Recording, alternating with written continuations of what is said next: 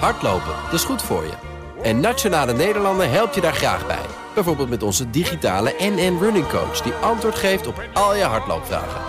Dus, kom ook in beweging. Onze support heb je. Kijk op nn.nl slash hardlopen. Eerder vandaag, meld...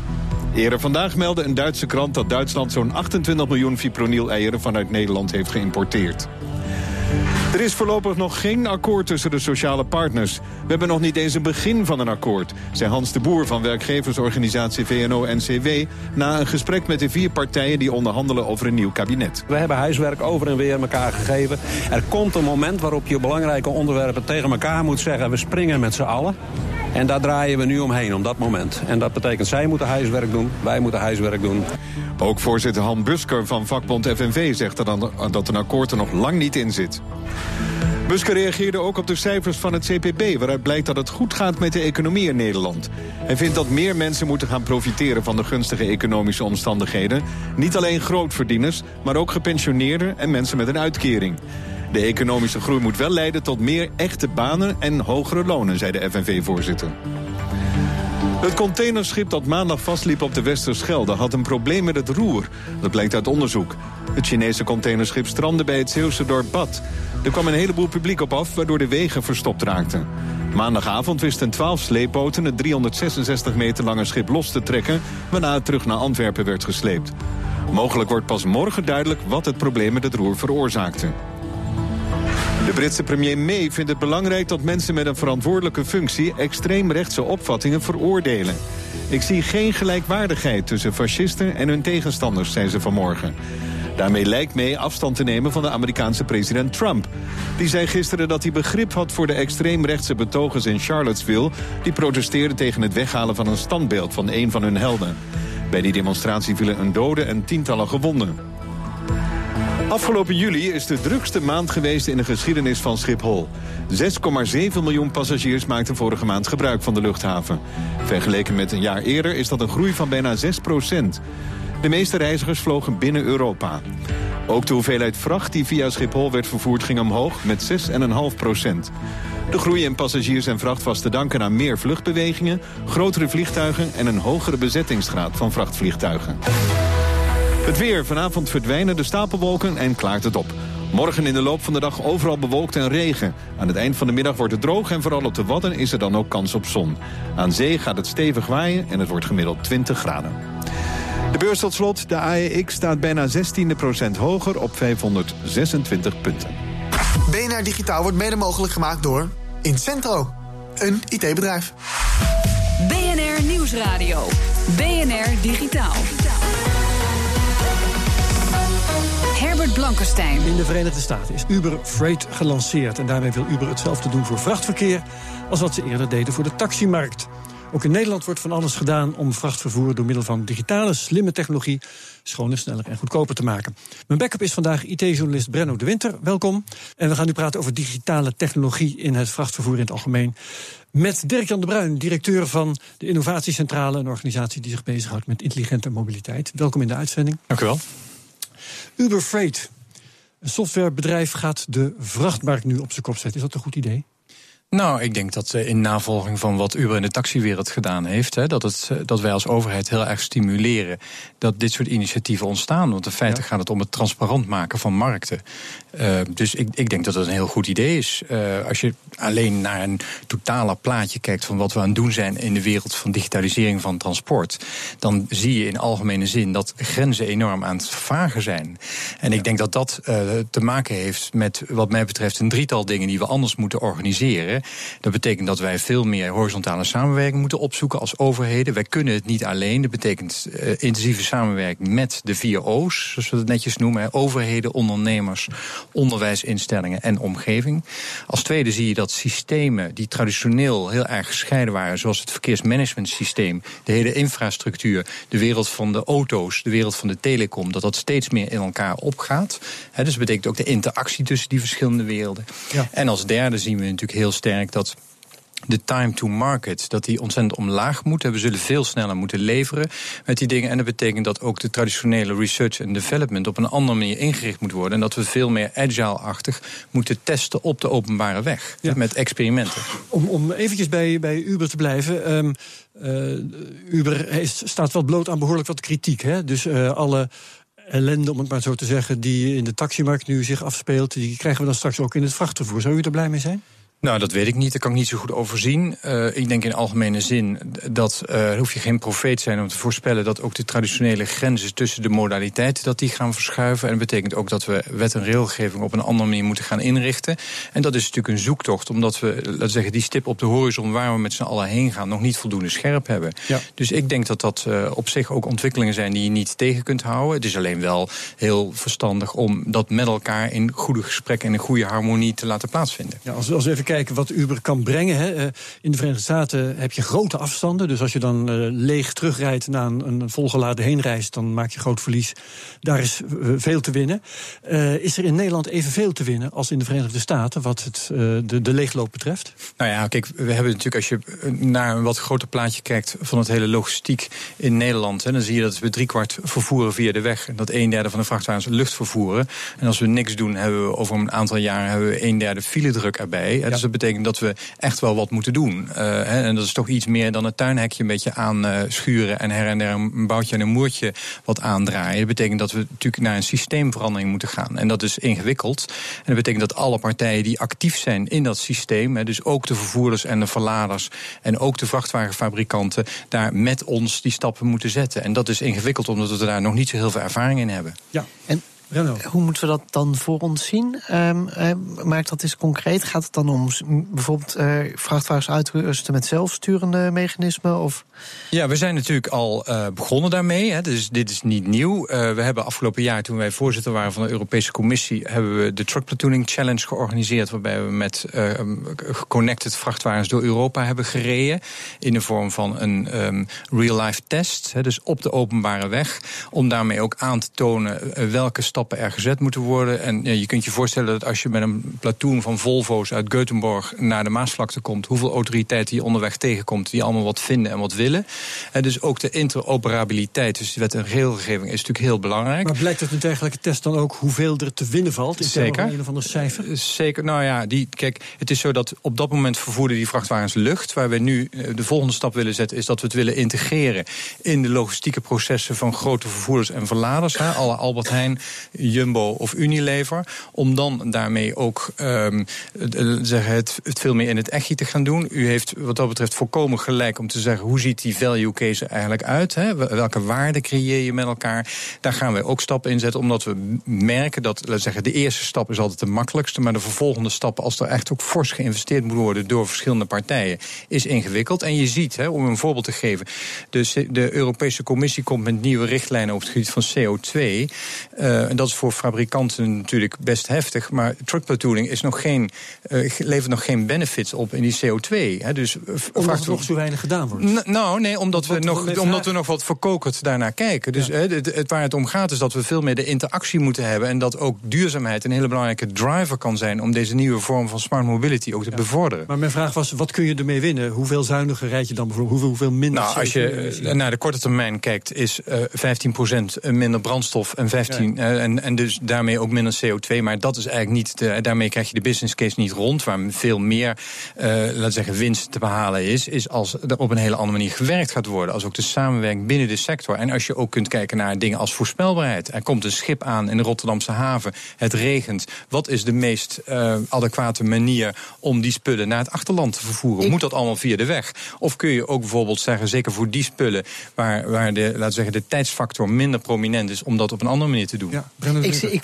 vind het heel erg mooi, maar ik zie dan zo'n beeld bij me opdoemen dat op ergens dan in Rusland iemand zit en die zegt van nou, ik ga vandaag eens bepalen of transport en logistiek ja. Nederland wel of niet mag gaan rijden. Ja, dat is, dat is ook dat is een terecht punt. Betekent ook niet dat we het niet moeten doen, maar we zullen daar dus nee, heel nadrukkelijk naar moeten kijken. De afhankelijkheid daarvan wordt vele malen groter. Het is overigens wel zo, hè, dat, dat wat dat betreft vind ik het mooi om ook te kijken naar wat Elon Musk zegt van Tesla. Die zegt, mijn Tesla's worden op termijn tien keer veiliger dan de mens.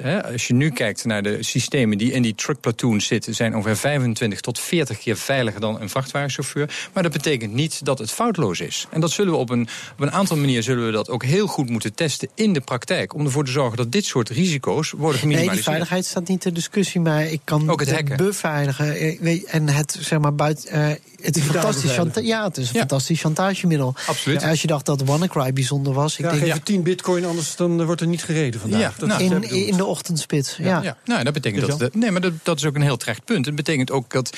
Kijk, zo zie ik het. Hè, de, de technologie is één deel van de taart. Maar er zijn een heleboel andere taartendelen die ook ontwikkeld moeten worden. Hè. De gebruikersacceptatie, terecht ook de hele cybersecurity, de, de manier van, van privacy, de, de beveiliging, ook het hele wet en regelgeving. En hè, willen wij de komende jaren meedoen met die enorme technology push die er aan zit te komen, betekent ook dat die andere terreinen op hetzelfde niveau ook mee moeten gaan. Maar je bereikt alleen wat, hoor ik uit je woorden, dat eh, als je er ook werkelijk mee aan de slag gaat. Als je in diepe springt. Nou ja, god, we weten natuurlijk allemaal, hè, desk is the most dangerous place from which to view the world. Dus hè, kom uit je hok. eh, hè, en, en, en dat vind ik het mooie, dat die agile-achtige dingen er ook voor zorgt dat je het vanuit de praktijk doet. Hartelijk dank, Dirk-Jan de Bruin van de Innovatiecentrale. BNR Nieuwsradio. BNR Digitaal. Unsubscribe-linkjes onder reclamemail, dat werkt doorgaans prima, maar niet altijd. Ontdekte redacteur Ivan Verrips. Reclamemails, we kennen ze allemaal. Albert Heijn, Amazon, Zalando, luchtvaartmaatschappijen, kranten enzovoorts enzovoorts. Je wordt er gek van. Zo ook comedian James Veitch. I just know that I get too many marketing emails. I got uh, a marketing email from a, a supermarket firm, which uh, will remain nameless for predominantly legal reasons, but which I'm going to call uh, SafeMart. I got an email from them, and it said, it went like this. It said, um, just three weeks until SafeMart at King's Cross opens. And I resented this because not only do I not remember signing up to that, but I, I resent the fact that they, they appear to think that I should be excited about a shop opening. Dus Veitch schrijft zich uit voor de mails. Meestal kan dat onderaan de mail en dat werkt doorgaans best goed. Maar je raadt het al, nu niet. But a week later, I got another one that said, just two weeks until Safe Mart at King's Cross opens. And I thought, well, obviously, I haven't clicked hard enough, right? So I, I tried it again, right? Lo and behold, a week passes, you guessed it, just one week. De unsubscribe-knop werkte blijkbaar niet en dus waren er andere stappen nodig. And I was really annoyed with them. And I thought, okay, I should just, I was about to write a strongly worded email, which I can do quite well. and I thought, no, I'm going to find the game. So I replied to it and I said, I literally cannot wait. What do you need from me? En daarop volgde een fascinerende conversatie. They go back to me. This guy called Dan said, Hi, James, I've asked a colleague to help me with your query. like it needs help. I said, What's the plan, Dan? I'm thinking fireworks, bouncy castle. I'm not sure what you mean. I said, I'm just tremendously excited about the opening. Do you want to put the bouncy castle or shall I? He said, I, th- I think you have misunderstood. A new store is opening, but there is no celebration plan. Maar daarna werd het zakelijk. And I'll be honest, uh, then my relationship with Dan deteriorated somewhat because the next email I got was this Thanks for your email, your case number is. Maar dat was voor James Veitch niet het einde. Elke mail die hij stuurde werd automatisch beantwoord met een case number. En James begon die mails te beantwoorden met een eigen case number. En zo waren James Veitch en Walmart, of eh, pardon, eh, Wallstar continu heen en weer aan het mailen. It was, it was lovely. But to be honest, guys, it was quite labor intensive. And so uh, what I did is I have a little, uh, I have a little um, uh, email auto replier program. And what I did is I set it up so every time it receives an email from SafeMart, it just pings one back, right? So I set it up and it, it says, thanks for email, your case number is, and then it has a little formula that I wrote uh, to up the case number every time. And I put it on the server and set it running. I'll, I'll be honest, guys, then, then I forgot about it. I checked back on it the other day, uh, and it appears um, there being a number of emails going uh, back and. We're on 21,400. Misschien is het gebruik van zo'n no-reply mailadres nog geen eens zo'n heel gek idee. En het hele verhaal van James Veitch kun je vinden op bnr.nl slash digitaal. En een opmerkelijke oproep tot samenwerken van een van de grootste techbedrijven ter wereld hoor je zo direct. BNR Nieuwsradio. BNR Digitaal. Technologiebedrijven concurreren elkaar normaal gesproken de tent uit en geeft dus ongelijk. Maar als het om cybercrime en veiligheid gaat, dan lijkt er iets te veranderen, zag redacteur Ivan Verrips. Cybercrime loopt volledig uit de hand. Vorig jaar bijvoorbeeld werden er zo'n 2 miljard persoonsgegevens gestolen. What's particularly concerning about this is that in most cases it was months before anyone even reported that these records were stolen. Je hoort Caleb Barlow, de Vice President Threat Intelligence bij IBM Security.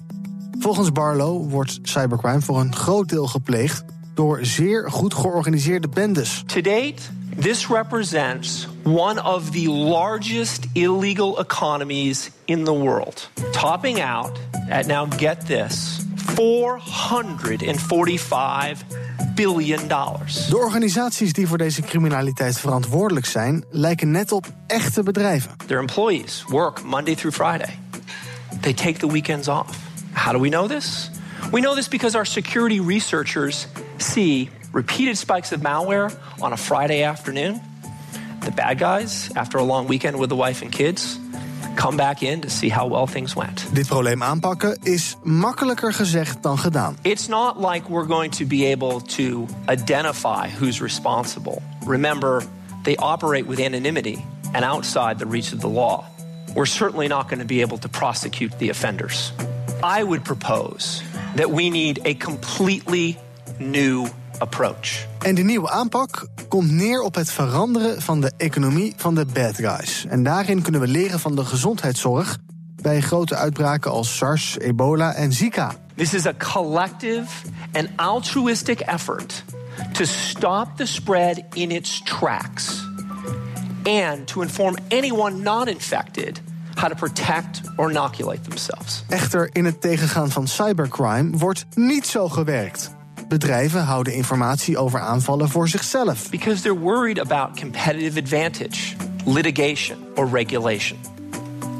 We need to effectively democratize threat intelligence data. Informatie delen is het belangrijkste. And if you're not sharing, you're actually part of the problem because you're increasing the odds that other people could be impacted by the same attack techniques. IBM is begonnen met het openbaren van 700 terabytes aan data over aanvallen, inclusief informatie over aanvallen die nu plaatsvinden.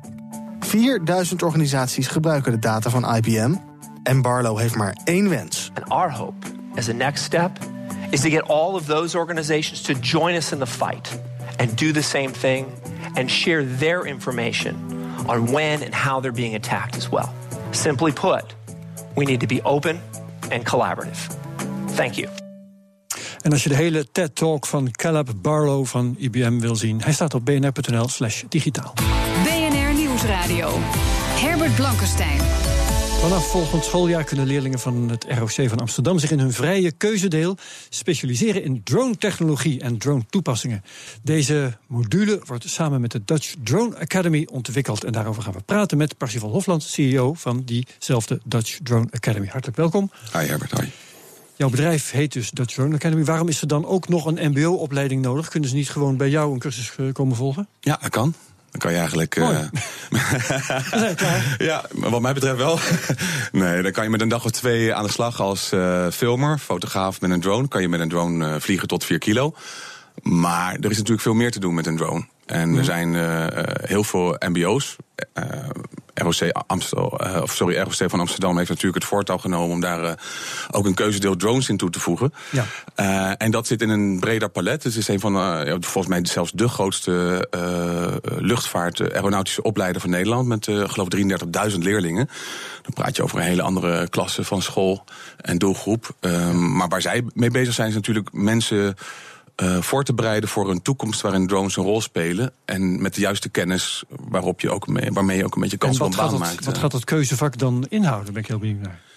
Uh, ja, uh, dat, dat is vrij breed, want met een drone kan je zoveel dingen doen. Ja. Uh, en je mag zo weinig. Nou ja, vliegen vooral. Dus. ja, ja, maar goed, met verschillende sensoren, 3D-mappen maken, foto's. Ja, ja, nou goed, het verhaal is bekend. Um, in dit keuzedeel wat wij nu aan het ontwikkelen zijn samen, daar zijn we eigenlijk al vorige week mee begonnen.